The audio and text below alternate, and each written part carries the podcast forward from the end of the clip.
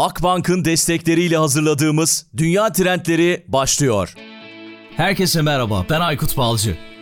Teknoloji, iş dünyası ve dijitalde trendleri konuştuğumuz Dünya Trendleri Podcast serisinin yeni bölümüne hepiniz hoş geldiniz. Dünya Trendleri Podcast'in 128. bölümünde Rhinevest İnsan Kaynakları Çözümleri Şirketi'nin genel müdürü Toygar Çınar konuğum oldu ve yeni çalışma hayatını konuştuk. Toygar Çınar, Almanya'nın Kuzey Ren-Vesfalya eyaletinde Wuppertal Üniversitesi'nde ekonomi eğitimi almış. Uluslararası yönetim ve ekonomi üzerine yüksek lisans gerçekleştirmiş. Bankacılık sektöründe kariyerine adım atıyor ve yıllar içerisinde kazandığı deneyimle kendi insan kaynakları şirketini kuruyor. Bölüm içerisinde de hikayesini gayet güzel bir şekilde anlattı. İlginç bir hikayesi var ve Game Changer adında da bir podcast'i var. Almanya'da iş dünyasında sevilen podcast'lerden biri. Birçok ünlü, önemli konuğu olmuş. Almanca olduğu için çok fazla takip edemedim ama yine de gerçekten başarılı bir şekilde ilerleyen bir podcast'i var. Bu bölümde yeni çalışma hayatını konuştuk. Az önce girişte de söylediğim gibi tüm şirketleri ve çalışanları yakından ilgilendiren salgın sonrası yeni çalışma hayatı ile ilgili merak edilen tüm konuları ele aldık diye düşünüyorum. Özellikle iş dünyasının neleri beklediğinin yanı sıra neler yapması gerektiğiyle ilgili de böyle bir beyin fırtınası yaptık. Umarım bu bölümü beğenirsiniz ve her zaman olduğu gibi eğer bölümü beğenirseniz sosyal medya üzerinden paylaşır, daha fazla kişiye ulaşmamızı sağlarsanız çok çok sevinirim. Podcast'in sosyal medya hesaplarına podcast'in açıklama kısmından ulaşabilirsiniz. O zaman her şeyi söyledik, hazırız. Yeni bölüme, 128. bölüme başlıyoruz.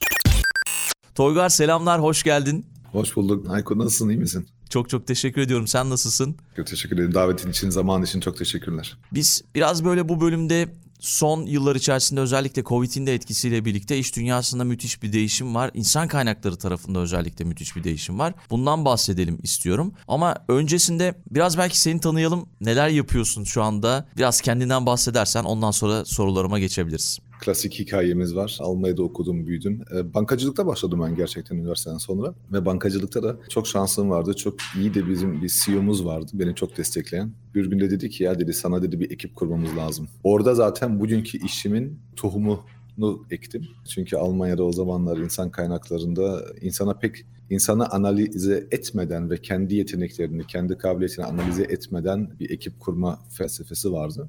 Ben dedim ki öyle bir şey olmaz. Yani insanın her insanın değişik bir isteği vardır, ihtirası vardır, istek hedefleri falan var. Bunları öne çıkarıp da ona göre bir işi insanın karakteri etrafında kurmak lazım. Böyle bir sistem, böyle bir felsefeyle başladım ve ilk kurduğum ekibi de insan kaynakları departmanından habersiz kurdum. Çünkü onlar yapamadılar. Ben dedim ki bana dedim eleman lazım değil, arkadaş olabileceğim ve benimle bir yola çıkacak insanlara ihtiyacım var. Notlara bakmadan, diplomaya bakmadan ama mesela annesinin babasının iş yeri olup da küçükten beri orada çalışan birisini buldum. Onun yanında otelde iş hayatına başlayan bir bayan e, buldum. Bunların hepsini bankaya aldım ve 4 ay içerisinde bankanın en başarılı ve en performant e, ekibi olduk. O zamandan beri ben bu işe şey yapmıştım, göz dikmiştim. Ve bugün de gerçekten öyle yapıyor. Yani bugünkü müşterilerimiz küçük veya büyük şirketler olarak bize ya bize eleman lazım işte bize mühendis lazım, CFO'lar lazım, şu lazım, bu lazım. Ama insan olarak bizim kültürümüze uymaları gerek dedikleri müşterilerle çalışıyoruz. Çok da iyi gidiyor ama tabii dediğin gibi yıllar son yıllarda çoğu şey değişti. Onları da bugün seve seve paylaşmak isterim tabii ki. Yani anladığım kadarıyla ilk önce kurumsal hayattaydın. Sonra evet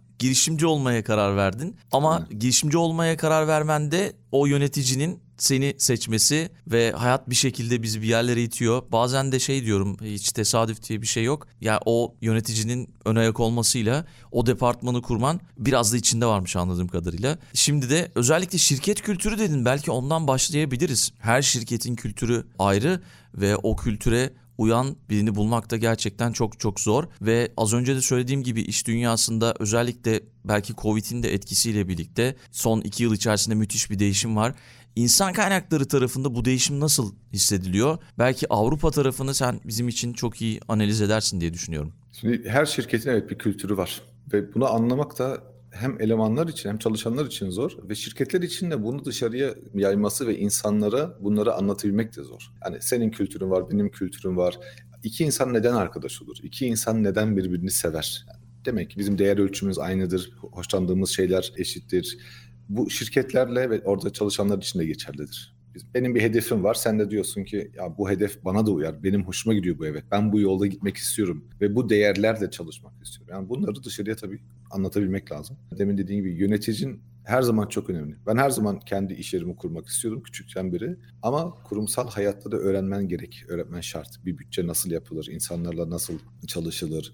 Sevmediğin insanlarla nasıl çalışılır? Bunlar çok, evet. çok önemli. Biraz diplomatik olmak lazım. Ama sonuçta ne yaparsan yap her zaman insanların karakterini yani asıl insanın hem karakterini hem içindeki onu motive eden elementleri bilmen lazım. Onun için insan kaynakları bunları son yıllarda daha yeni yeni algılamaya başladı. Ondan önce ne vardı? Yani klasik bir şirketi göz önüne getir. Diyelim 10 bin personel olan bir banka ya bizim bir muhasebeye ihtiyacımız var. E ne olsun falan üniversiteyi bitirmiş olsun 3 yılda tecrübesi olsun. Tamam üniversiteyi bitirmesi ne ifade eder sana? Hangi yani beklentinle o insanın getirebileceği çok farklı bir şeydir. E ben ne istiyorum? Bir muhasebeci istiyorum. Niye istiyorum bu muhasebeciyi? 10 bin personeli olan bir bankanın içinde belirli işi en iyi bir şekilde yapabileceğini ve bana yarın için yeni fikirler getirebilecek bir insana ihtiyacım var. Bu üniversiteli bir alakası yok. Bunlar belirli noktaya kadar tecrübeyle kapsanabilecek bir şeyler ama 3 yılda olabilir. Benim de her zaman sorum şey oluyor o zaman. Ya 3 yıl yok da 4 olabilir mi? Şu bir yıl fark ne getirir? Beklentin nedir? O şu an değişmeye başlıyor. Zaten bizim üç tane çok meşhur sorumuz var. Birincisi neden bir birisini arıyorsunuz? Beklentiniz nedir? Yani bunu bana cevaplayabilen şirketin sayısı çok az. Sen bugün bir yeni bir muhasebeci arıyorsan beklentin nedir? Bir sene sonra ne olmasını istiyorsun ki bu insanı işe almanın iyi bir karar olduğunu düşünebilmen için? İkincisi senin beklediğin hedefleri o insan senin şirketinde yerine getirebilecek mi? O hedefe kavuşabilecek mi? Atıyorum bir satış pazarlama müdürünü istiyor bir şirket. Ya bize işte seneye yüzde on ciroyu artırsın. 50 tane de yeni müşteri getirsin. Tamam. Senin etrafında, senin bu ekosisteminde, senin şirketinde bu hedef yerine getirebilir mi? Olmazsa zaten hiç kimse bu hedefi yerine getiremez. Benden de bir şey bekleme. Ama diyor sanki bizim yeteri kadar leadlerimiz var, bizim müşteri portföyümüz çok geniş, bizim ürün e, portföyümüz çok geniş. Kimse bunu dışarıya paylaşmadı diyorsan tamam buna bir sorun var. Ama senin ürünlerine kimse ihtiyaç duymuyorsa ve kimse de senin var olup olmadığını bilmiyorsa bu yazık insan ne yapsın? Ama evet. Bu ikisini cevapladıktan sonra zaten birbirimize uyuyor muyuz? Yani uyuyor muyuz? İşin yanında arkadaşlık kurabilir miyiz? Benden %10, %20 performans bekleyebilir misin? Bunlar daha yeni yeni gündeme gelen konular. Bunlar da tabii Covid'in de çok büyük etkisi var. Neden? Çünkü eskiden ofisimizde otururduk hep beraber. iş arkadaşımızlarımızı sabah görürdük. İşte patron 8'de geldiğinde biz işte en azından 8'e 5 kala gelmeye çalışırdık ki göze girelim. Patrondan belki de bir fazla erken eve gitmezdik. Ama bugün çoğu insan evinden çalışmaya başladı. Yani birbirimizi görmüyoruz, kontrol edemiyoruz ne yaptı yani performansı eskisi gibi ölçemiyoruz. Şu an performansı nasıl ölçüyoruz? Bir hedefimiz var. O hedefi ben gün içerisinde veya ay içerisinde yerine getirdim mi? En doğrusu da budur. Ben bunu iki ayda iki sene e, saatte yerine getiririm veyahut da günde 10 saat çalışarak bu kimseyi ilgilendirmez diye düşünüyorum. Ama iş hayatında öyle bir şey yoktu. İş hayatında sabah 8 akşam 5 olurdu veya da 4 olurdu. Fazla bir şey yapmana da gerek yok yani. Orada dur. Herkes diyordu ki ya vay be Aykut'la Toygar çok çalışkan delikanlılar bunlar. Bütün gün buradalar mesai yapıyorlar. Ne yaptığımızı ama kimse ölçmüyordu. Ama şimdi ölçmek zorundasın. Şimdi insanları her gün görmüyorsun. Home office oluyor, hybrid work var artık. Bazı günler gidip bazı günleri ofise gelmeyen insanlar. Bunlarla bir bağlantın olması lazım bir evet. lider olarak. Yani bunlar bunlar çok değişen şeyler. Onun için Almanya özellikle Alman ekonomisinde bu bugün çok büyük bir sorun ve çok çok az şirket bunu iyi bir şekilde başarabiliyor. Ben sana katılıyorum. Toygar değişim sadece insan kaynakları tarafında değil farklı alanlarda da yaşanıyor şirketlerde. Temel özellikleri güçlü bir sosyal bilinç, çevreye karşı duyarlılık, çeşitliliğe odaklanma, insan hakları gibi konular şirketlerin finansal sonuçlarının çok ötesine geçmiş durumda. Çalışanlar ve tüketiciler genel anlamda şirketlerin dünya için doğru şeyler yapmalarını talep ediyor. O yüzden artık şirketler sosyal hedeflerini ticari stratejilerinin merkezine koymalı. Yetenekleri elde tutmak isteyen şirketler bu açıdan farklılık yaratıp ön plana çıkabilir. Mesela çevreden örnek verecek olursak artık iş dünyasında da kendi hayatımızda da çevreye duyarlı yaşam bir zorunluluk. Avrupa Birliği bu doğrultuda daha yaşanabilir bir gelecek için Yeşil mutabakat sürecini başlatıyor biliyorsun. Üretim süreçlerini çevre dostu bir hale dönüştürmeyi amaçlıyor. Avrupa Birliği ülkeleriyle iş yapan tüm işletmelerden bu dönüşüme katılmaları bekleniyor. Ama bu katılım için tabii bir maliyet gerekiyor. Şirketlerin en çok zorlandıkları konu bu oluyor sanırım. İşte burada bazen destek almak gerekebiliyor. Akbank bir KOBİ hareketi başlatmış mesela. KOBİ'leri yeni dünyanın gerekliliklerini hazırlıyor. Yeşil dönüşüm sürecinde tüm KOBİ'leri iş dünyasındaki bu bahsettiğimiz İK departmanları tarafında da çokça hissedilen değişimlere hazırlıyor. Hem işini hem çevreyi düşünen KOBİ'ler Akbank KOBİ Eko dönüşüm paketine başvurabilir. Uygun kredi imkanlarından ve danışmanlık hizmetlerinden kolayca yararlanabilir. Verimliliğini ve rekabet gücünü artırırken karbon ayak izini azaltabilir. 34 milyon liraya kadar kredi imkanı sağlıyor Akbank. Ayrıca yenilebilir enerji kredisinden enerji verimliliği kredisine, atık yönetimi kredisinden sürdürülebilir tarım kredisine kadar birçok alternatif var. Bu yeşil dönüşüm yolculuğunu başlatmak isteyen işletmeler hemen harekete geçebilir. Çok güzel fırsatlar var burada. Podcast açıklamasına kampanya sayfasının linkini de bıraktım. Daha fazla açıklama ve kampanyaya katılmak isteyenler bu linke tıklayıp siteyi ziyaret edebilirler.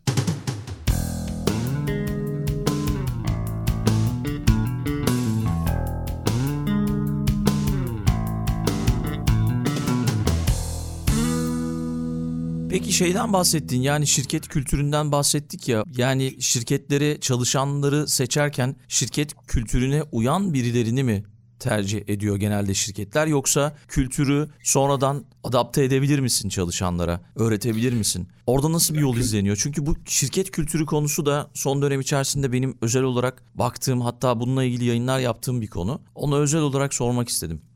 Şirket kültürü sabit olan bir şey değil. Her gün değişir. Her yeni işçiyle, her yeni personelle değiş, değişen bir şey. Biz ikimiz çok güzel bir arkadaşlık kurarız. Yıllarca.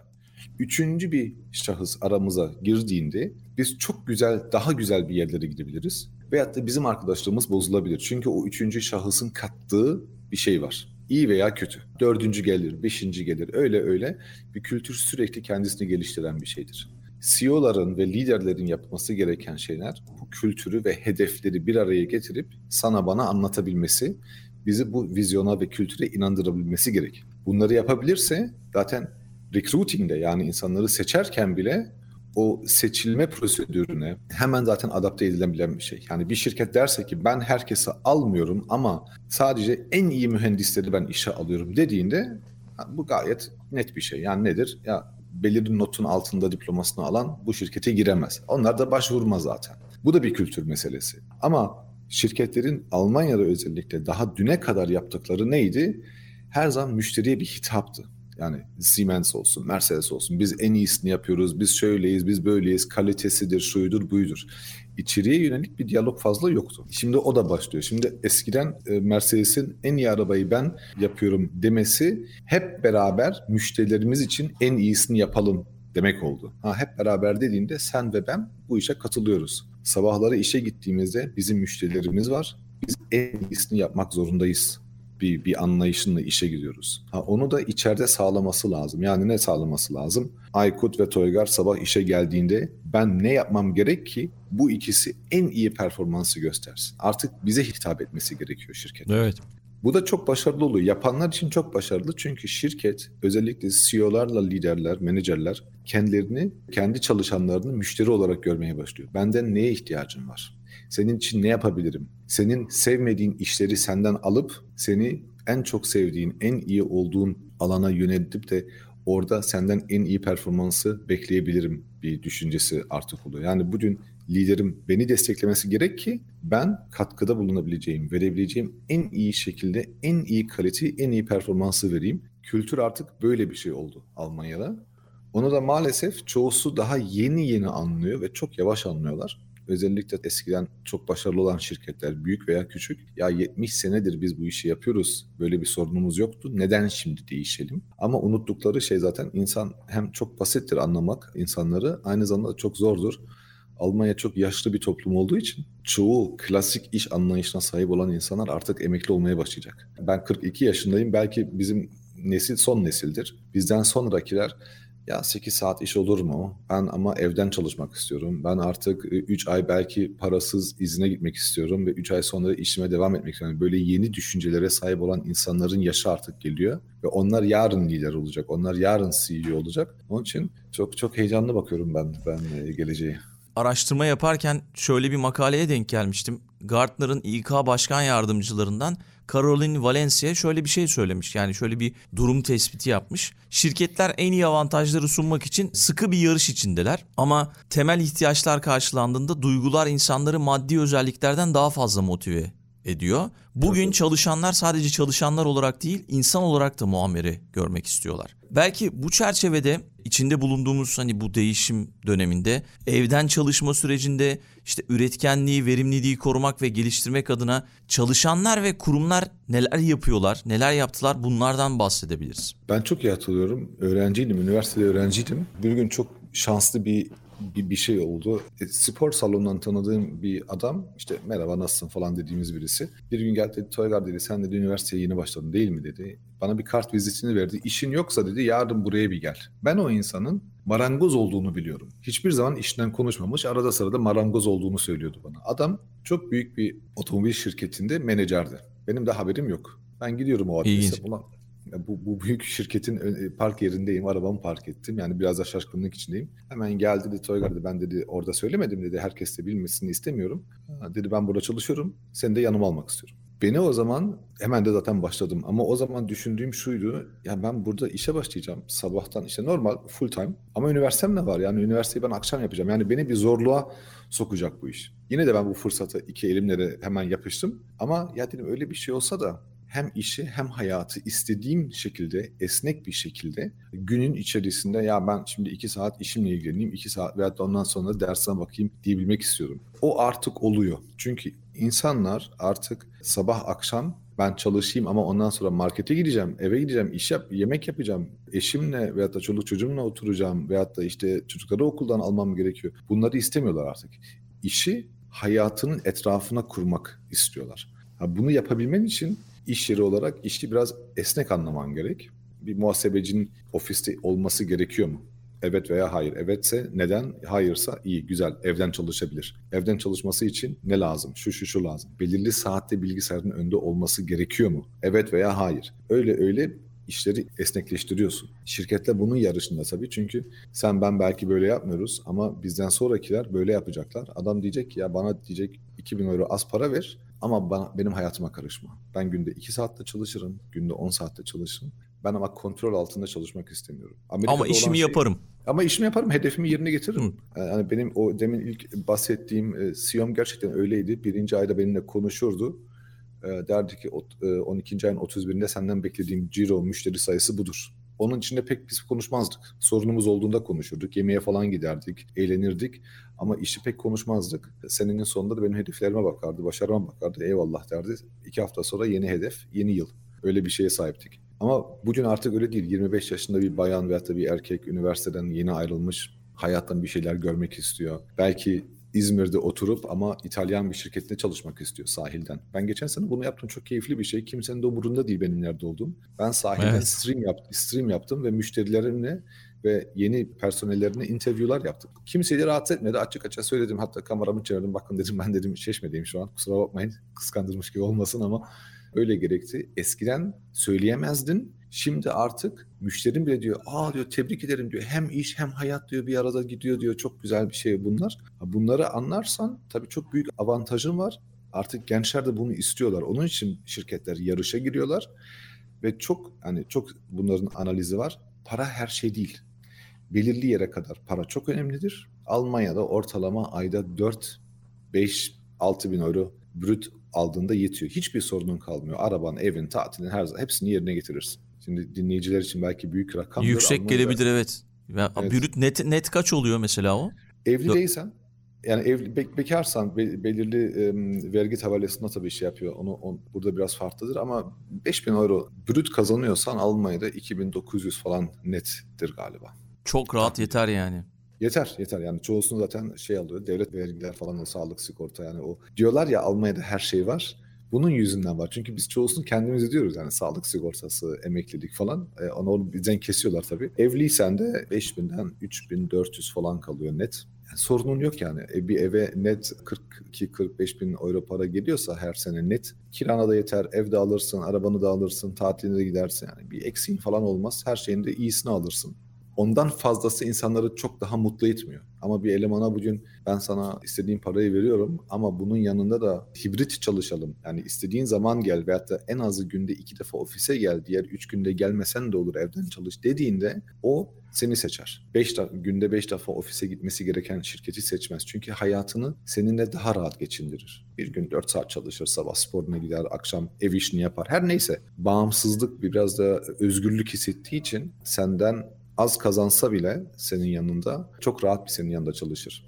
En önemlisi ama o insanı bulabilmek. Yani evinden çalışıp veya da esnek olmak isteyen birisini bulup o esnekliği ona sağlayabilmen gerek. Ben mesela pek evden çalışmayı sevmediğim için hem de çocuklarım var. Ben evde olduğumda baba baba diyen çocuklara sahibim ben sağ olsunlar. Evet. Ee, ben seve seve ofise geliyorum. Yani beni birisi evden çalışabilirsinle kazanamaz. Ben çünkü iki çocuk sahibiyim. İşte yaşım 42, belirli hedeflerimi sağlamışım. Bazıları daha önümde. Beni bunlara yaklaştıracak şeylerle yakalarsın. Ama 25 yaşında hayatın daha başında olan bir insanı tabii onun o anki isteklerinle kazanabilirsin. O eskiden yoktu. Amerika'da çok büyük bir sorun şu an. Almanya'da sorun olmadı. Ama Almanya'da da sağlık ve eğitim işlerinde yani işte hastanede hemşireler olsun, okullarda hocalar olsun bunlarda artık para hayat kalitesini bir araya getirme çabasına sahipler. O çok büyük bir sorun olacak ama Kesinlikle yani şimdi yıllar önce o spor salonunda o yöneticin seni aslında bulmuş yani bir yetenek avcılığı yapmış aslında. Evet. Belki de o yüzden oradaydı bilmiyorum.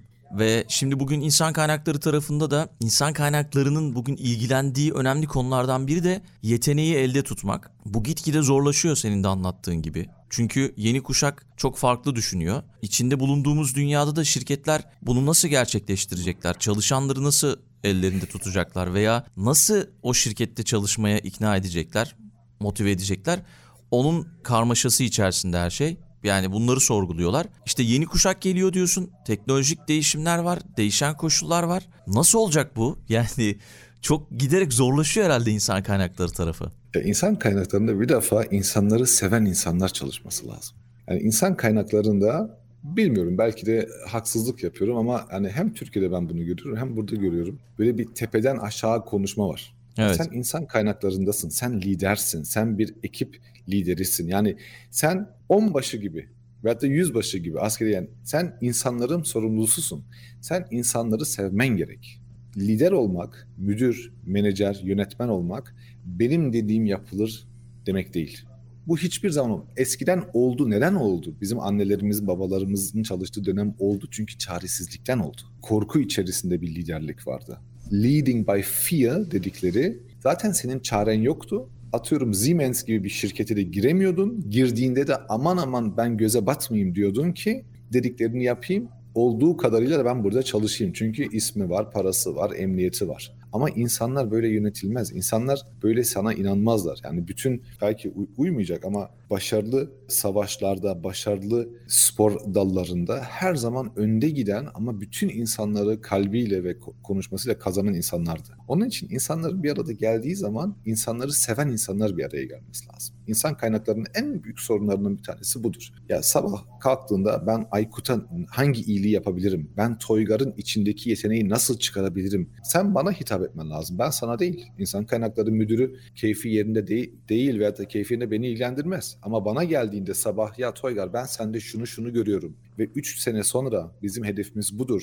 Aykut'la seni de bu departmanda sorumlu yapmak istiyorum. Çünkü içinize şu şu şu şu var dediğinde sen o gazı düşünebiliyor musun? Yani böyle yaparsan, böyle yaparsan ben o şirkete her şeyi para da vermeyeyim. Ben gidiyorum. Hani böyle bir şey olur. Ama ya işte biz düşündük taşındık Aykut Bey sizi biz e, falan yere gönderiyoruz falan departmana gönderiyoruz dediklerinde ya tamam da yani bana kimse sormadı ben ne olacağım? Para veriyorsun tamam ben de sana enerjimi veriyorum. 30 gün sonra bizim bu anlaşma değişiyor.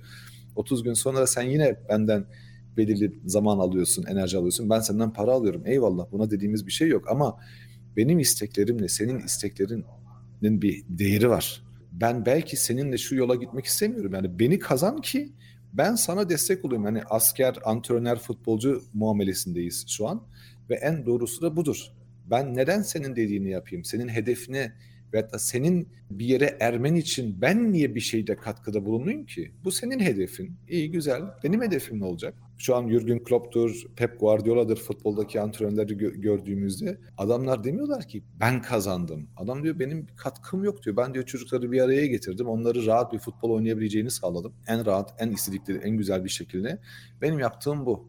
Herkes Kesinlikle. Ayağı, iki, iki bacağı var. Herkes gol atabiliyor. Yani bugün git İstanbul'un herhangi bir halı saha maçını akşamları yani çok yetenekli futbolcular var orada. Ama ama o insanın içindeki bir şeyi görüyorum. Yani en büyük sorunu budur.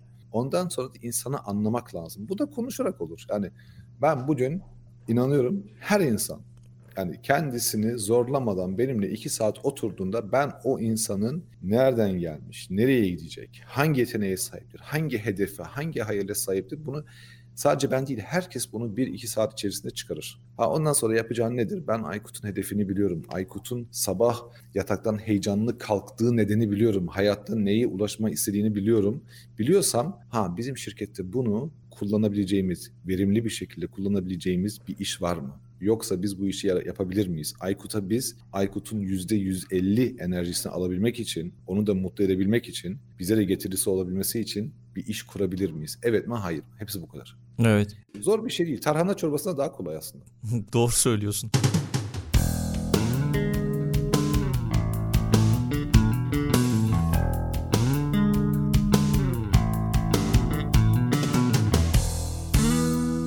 Şöyle bir şey var. Yine araştırma yaparken bir araştırmaya denk geldim. Oracle ve Workplace Intelligence küresel bir araştırma yapmışlar ve bu küresel araştırmaya göre insanların %75'inden fazlasının kişisel ve profesyonel olarak sıkışmış hissettiği ortaya çıkmış. Bir de insanlar evet, %88 oranında pandemi başladığından beri başarının anlamının değiştiğini söylüyorlar. Buradan da şuna geleceğim. Yani dünya üzerinde özellikle son iki senedir belki biraz daha fazla insanlar kariyerlerini değiştiriyorlar. Kariyer change dediğimiz olay var ve işte az önce de sen bahsettin Amerika'da büyük istifa dediğimiz bir süreç başladı. Ben biraz Avrupa tarafını merak ediyorum. Almanya tarafında böyle bir şey var mı? Gözlemliyor musun böyle bir şey? Çok yavaş, çok çok küçük ve belirli yerlerde var. Sağlık sektöründe var, eğitim sektöründe var. Pandemiden dolayı ya biz Almanya'da kendimizi her zaman çok daha iyi biliyorduk. Avrupa'nın göbeği ya. Her şeyi de çok iyi biliyoruz burada. İlk, ilk okulların pandemi başında benim küçük oğlum o zaman birinci sınıftaydı.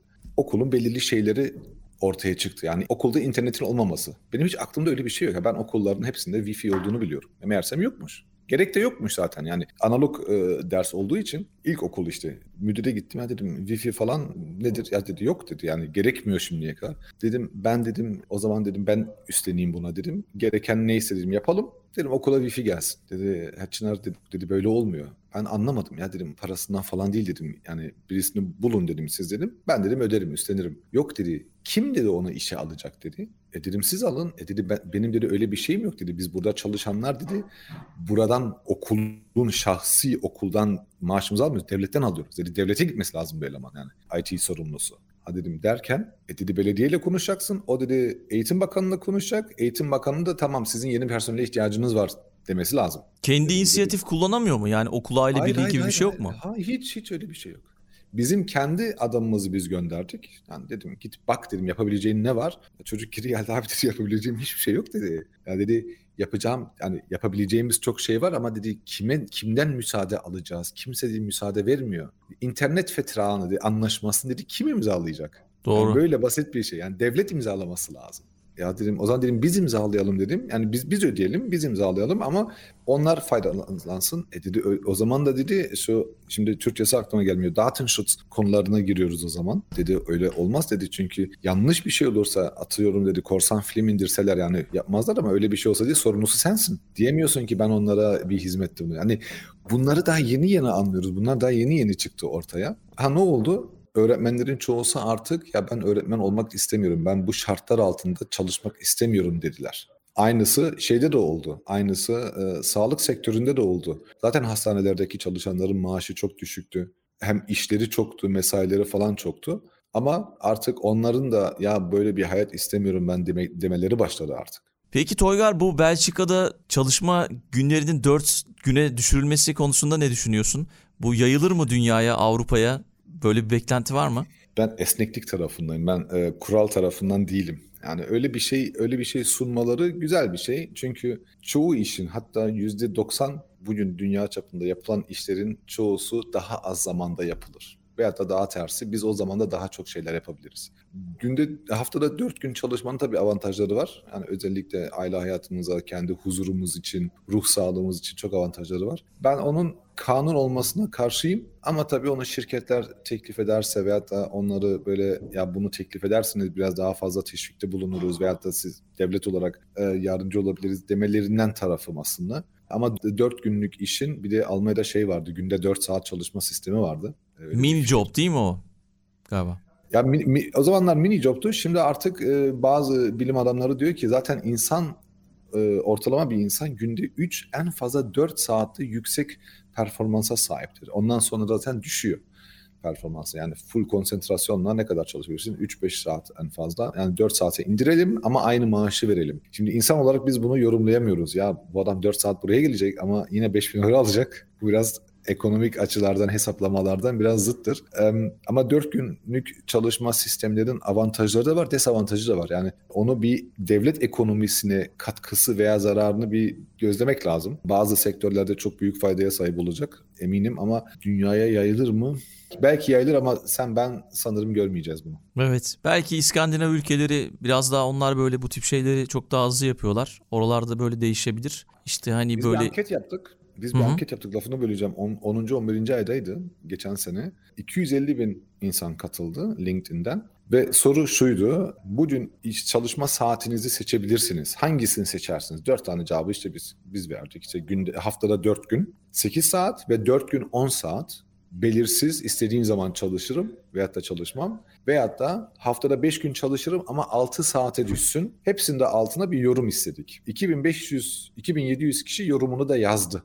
Çok güzel. Ve dedi ki, ve dedi ki ben dedi haftada 5 gün çalışmaktan rahatsız değilim. Ben çalışayım 5 günde çalışayım çünkü o 5. gün ne yapacağım da zaten bilmiyorum. Ama 6 gün 6 saat çalışayım günde 2 saat fazladan olsun. Çünkü ha, ne oldu yani bizi uğraştıran nedir? Cumartesi pazartesi Cuma'ya kadar çalıştığımızda işte evin alışverişidir, temizliğidir. Yani bunların hepsini cumartesini sıkıştırıyoruz. Bize de zaten net kalan cumartesinin yarısı ve pazar günümüz. Pazar günümüzde moralimiz bozuyor. Yarın yine çalışacağız. Ama evet. pazar burada her yer kapalı olduğu için Almanya'da. Türkiye'de Tabii, öyle değil. 24 saat şey açık her yer. Yani günlük hayatını marketidir, alışverişini bunları zaten yapamıyorsun pazar günleri. Ha, arkadaşlarla buluş, yemeğine falan git, sporuna git eyvallah. Ama bankaya gidemiyorsun, devlet dairesinde sorunun varsa kağıt küret işini yapamıyorsun. Bir de Almanya çok yani kağıda çok önem veren bir ülke olduğu için ama o çalışma saatini 2 saat düşürsen, günde 6 saat çalışırsan sabah biraz geç gelirsin, işini halledersin, işine gelirsin. Yani kafan rahat olur. Veyahut da akşam ya ben bunu yapacağım, sıkıştırmam lazım, yemeğim var, alışverişim var. Bu, bu şeylerin hepsini senden aldıktan sonra sen 5 gün çalışırsın, sorun yok. Onun Doğru. için yani esnek, esneklik biraz daha sanki daha avantajlı olduğunu düşünüyorum ama ben eminim ki sen ben şu 4 günlük çalışma haftasını görmeyeceğiz burada. Evet. Şu az önce söylediğin ya işte maaşlardan falan bahsettik. Son dönemde çok fazla böyle fiyat karşılaştırması yapıyor arkadaşlarım Türkiye, Almanya tarafında. Asgari Yapma. ücret ne kadar Türkiye'de, şey Almanya'da? Asgari ücreti soruyorlar sürekli bana. Var mı öyle bir şey asgari ücret? Türkiye'deki Seni yakalamışken. Türkiye'deki gibi değil. Buranın asgari ücreti saate bakar. Yani saatte sen sen 4 saat çalışıyorsan burada en az bir 10 euro küsür kazanman lazım. Hmm.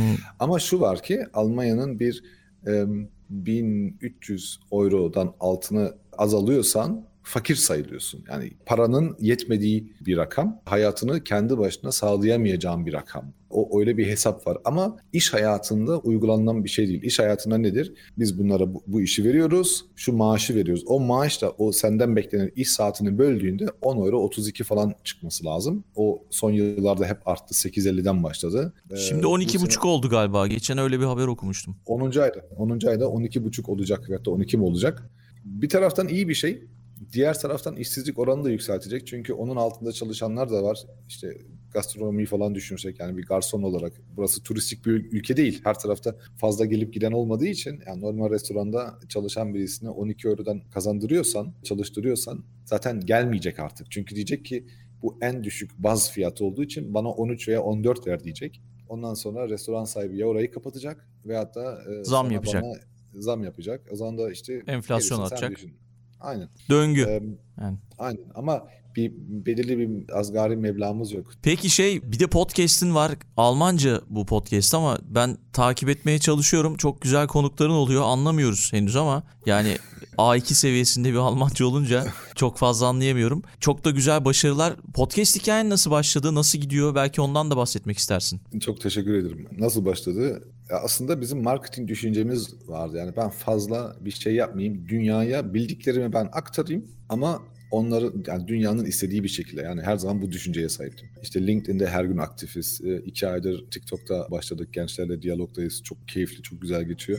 Ama böyle sürekli bir, bir kısıtlanıyorduk. Yani bugün mesela çok rahat konuşuyoruz. Bazı mevzuları çok uzun anlatmak gerek. Bağlantıları görebilmek için. E ne yapayım ne edeyim? Podcast aklımıza geldi. Bize de bir müşterimiz Game Changer lakabını taktı. Ya dedi siz dedi her şeyi biraz farklı yapıyorsunuz. Her oyunu değiştiriyorsunuz. Kural kabul etmiyorsunuz. Game Changer lakabı kaldı. Podcast'in ismini Game Changer koyduk. Orada da bütün hem konuklarımızı yani birebir diyalogda bulunduğumuz konukları artı işte şu streaming'deki diyaloglarımızı aktarıyoruz. Pek ağırlığımız falan da yok. Yani her zaman tabii iş hayatında, insan kaynaklarında herhangi bir bağlantısı olması lazım. Ama çok güzel gidiyor, çok güzel e, teklifler geliyor. Artık e, bazı müdürler, liderler ya bizi de alsana podcast'a dedikleri oluyor. O da çok gurur verici. Hedef her zaman değişik iş alanından, değişik pozisyonlara, değişik sektörlerden insanları hem işini hem kendilerini tanıtmak. İşte geçen geçen ay Mitsubishi'nin Almanya müdürü geldi. Geçen hafta bir Deutsche Bahn'ın CFO'su geldi. Yani pozisyonuna pek baktığımız yok ama onlar da in- senin benim gibi insan. Biraz da liderlerin de kendi sorunları var. Son haftalarda fazla lider geldi. Bugün yalnız konuşacağım. Çok biraz hassas konu olacak. Şirket hedeflerinle personel hedeflerini eşitleştirmesi gerektiğini düşünüyorum. Onu da ben kendim yalnız yapacağım o bölümü. Aa, güzel konu. Çünkü konuk olduğunda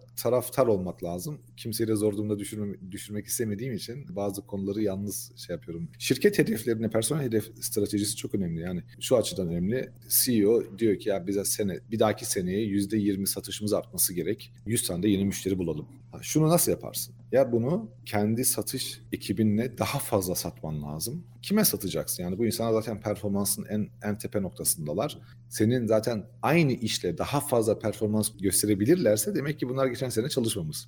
Yani bunlar bunu yapmazlar. Bulunan müşterine daha fazla veya daha pahalı satacaksın. Bu da olmayacak. E ne yapacaksın? Yeni yeni satışçı alacaksın yanına ki yeni müşteri bulsun sana. Ha, ondan sonra o iş başlıyor. Yani bu bir şirket stratejisidir. Yeni elemanı alabilir miyiz? E, alabilirsek kaç tanesi lazım? En doğrularını nasıl seçeceğiz? Bunları alırsak pazarlama departmanının yapılması yapması gereken şeyler nedir? Elimizde şu para var mı? Kendi finans müdürümüz bu insanlara gereken ve ihtiyacı olan bütçeyi sağlayabilecek mi? Yani bütün zincirlemeyi orada aydınlatıyorum. Kimse demesin ki ya insan bulmak kolay da ekip ku- bulmak bilim işi değil demesin. Ee, Onun için de onu aydınlatmam için e, yalnız konuşacağım. Ee, Kimse e, zor duruma düşüp de ya ben bizde de böyledir aslında veyahut da şöyle yapılması gerek, gerekir falan demek zorunda kalmasın diye. Peki kanalı paylaşacağım. Mutlaka Almanca bilenler vardır. Onlar da dinleyeceklerdir. Çok çok yararlı olacağını düşünüyorum. Bir gün eğer böyle çok iyi bir şekilde Almanca konuşabilirsem, Seve seve. dinleyebilirsem, öğrenebilirsem takip edeceğim ben neden, de. neden olmasın? Herkes herkes öğreniyor, sen de öğreneceksin. Aynen. Peki. Yapılmayacak yapılmayacak diye bir şey yok, öğrenilmeyecek diye bir şey yok. Bu arada da reklam gibi olmasın ama Türkiye'deki gençlere özellikle şu an üniversiteyi bitirmiş hatta iş hayatına atılmışlar, yeni yeni başlamış insanlara bir tüyo vermek istiyorum sadece. Bazen oradan da çünkü mesaj geliyor. Abi hangi işe ben başvurayım? Şu an Türkiye'de bence dört tane çok güzel sektör var. Bir, bir tanesi gerçekten araba sektörüdür. Yani TOK otomobilin Türkiye'ye getireceği çok güzel şeyler var. İyi veya kötü beğenip beğenmemek söz konusu değil. Ama bir elektronik arabayı üretilmek çok yeni şeyleri bir yanında getirir. Yani bu çok önemli bir şeydir. Yani orada hem mühendis hem IT olarak diploması olmayan, eğitimde belki orada burada iyi nota almayanlar için çok büyük imkanlar Fırsat. çıkacak. Bir, fırsatlar çıkacak. İkincisi e, savunma. Her ne kadar da gündemde olan bir mevzuysa Türkiye için gerçekten şu an çok önemli bir e, alan. Aynı e, e-otomobil gibi e, çok güzel fırsatlar çıkacak. Ama en önemlisi bence şu an data science'tır ve business intelligence'tir. Buna da olağanüstü notlara veya herhangi bir eğitime ihtiyaç yok. Sadece pratik eğitime ihtiyaç var. Data science ve, ve BI şirketlerin yarından itibaren karar verebilecekleri bir sistemdir. Yani eskiden müşterilerimiz nasıl bize gelmiş, nasıl bizi bulmuş ve yarın için biz buradan ne kazanabiliriz diyebilmeleridir. Almanya'da çok çok hızlı gidiyor şu aralar.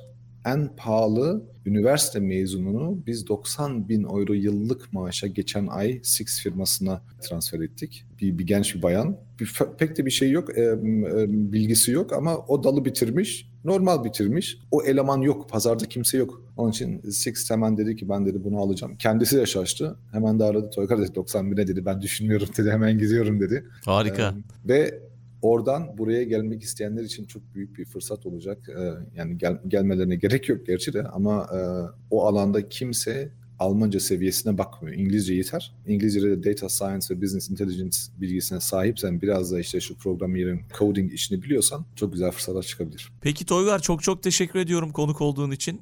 Kapatırken belki bir de bir kitap önerisi alabiliriz senden. Her konuğun bir kitap önerisinde bulunuyor. Ondan sonra da veda ederiz kapatırız diye düşünüyorum. Teşekkürler. Zaman için ve davetin için çok teşekkür ederim. Çok keyifli geçti. Umarım kimsenin canını sıkmadık. Dediklerimiz de orada burada Hı. belki bir katkıda bulunabiliriz. Kitap önerim gerçekten var.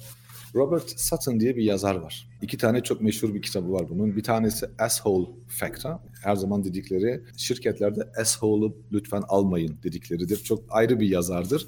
Ama şu kitabında Weird Ideas That Work iş hayatında gerçekten bazı şeyleri denemek lazım, korkmamak lazım. Bazen sınırları zorlamak lazım. Çok komik bir şekilde yazmış, herkes anlayabileceği bir şekilde her şirkete de uygulanabilecek bir şey. Benim de tavsiyem budur. Arada sırada bazı kuralları kırmak, yıkmak lazım. Bazı hedefleri, e, sınırları aşmak lazım hedeflere ulaşabilmek için. Korkmadan ve kimseye zarar vermeden tabii. Peki çok çok teşekkürler. Bu güzel bölüm için çok çok yararlandık. Tekrar buluşmak üzere. Teşekkür ederim. Sağ olun. Akbank'ın destekleriyle hazırladığımız Dünya Trendleri Podcast'in sonuna geldik.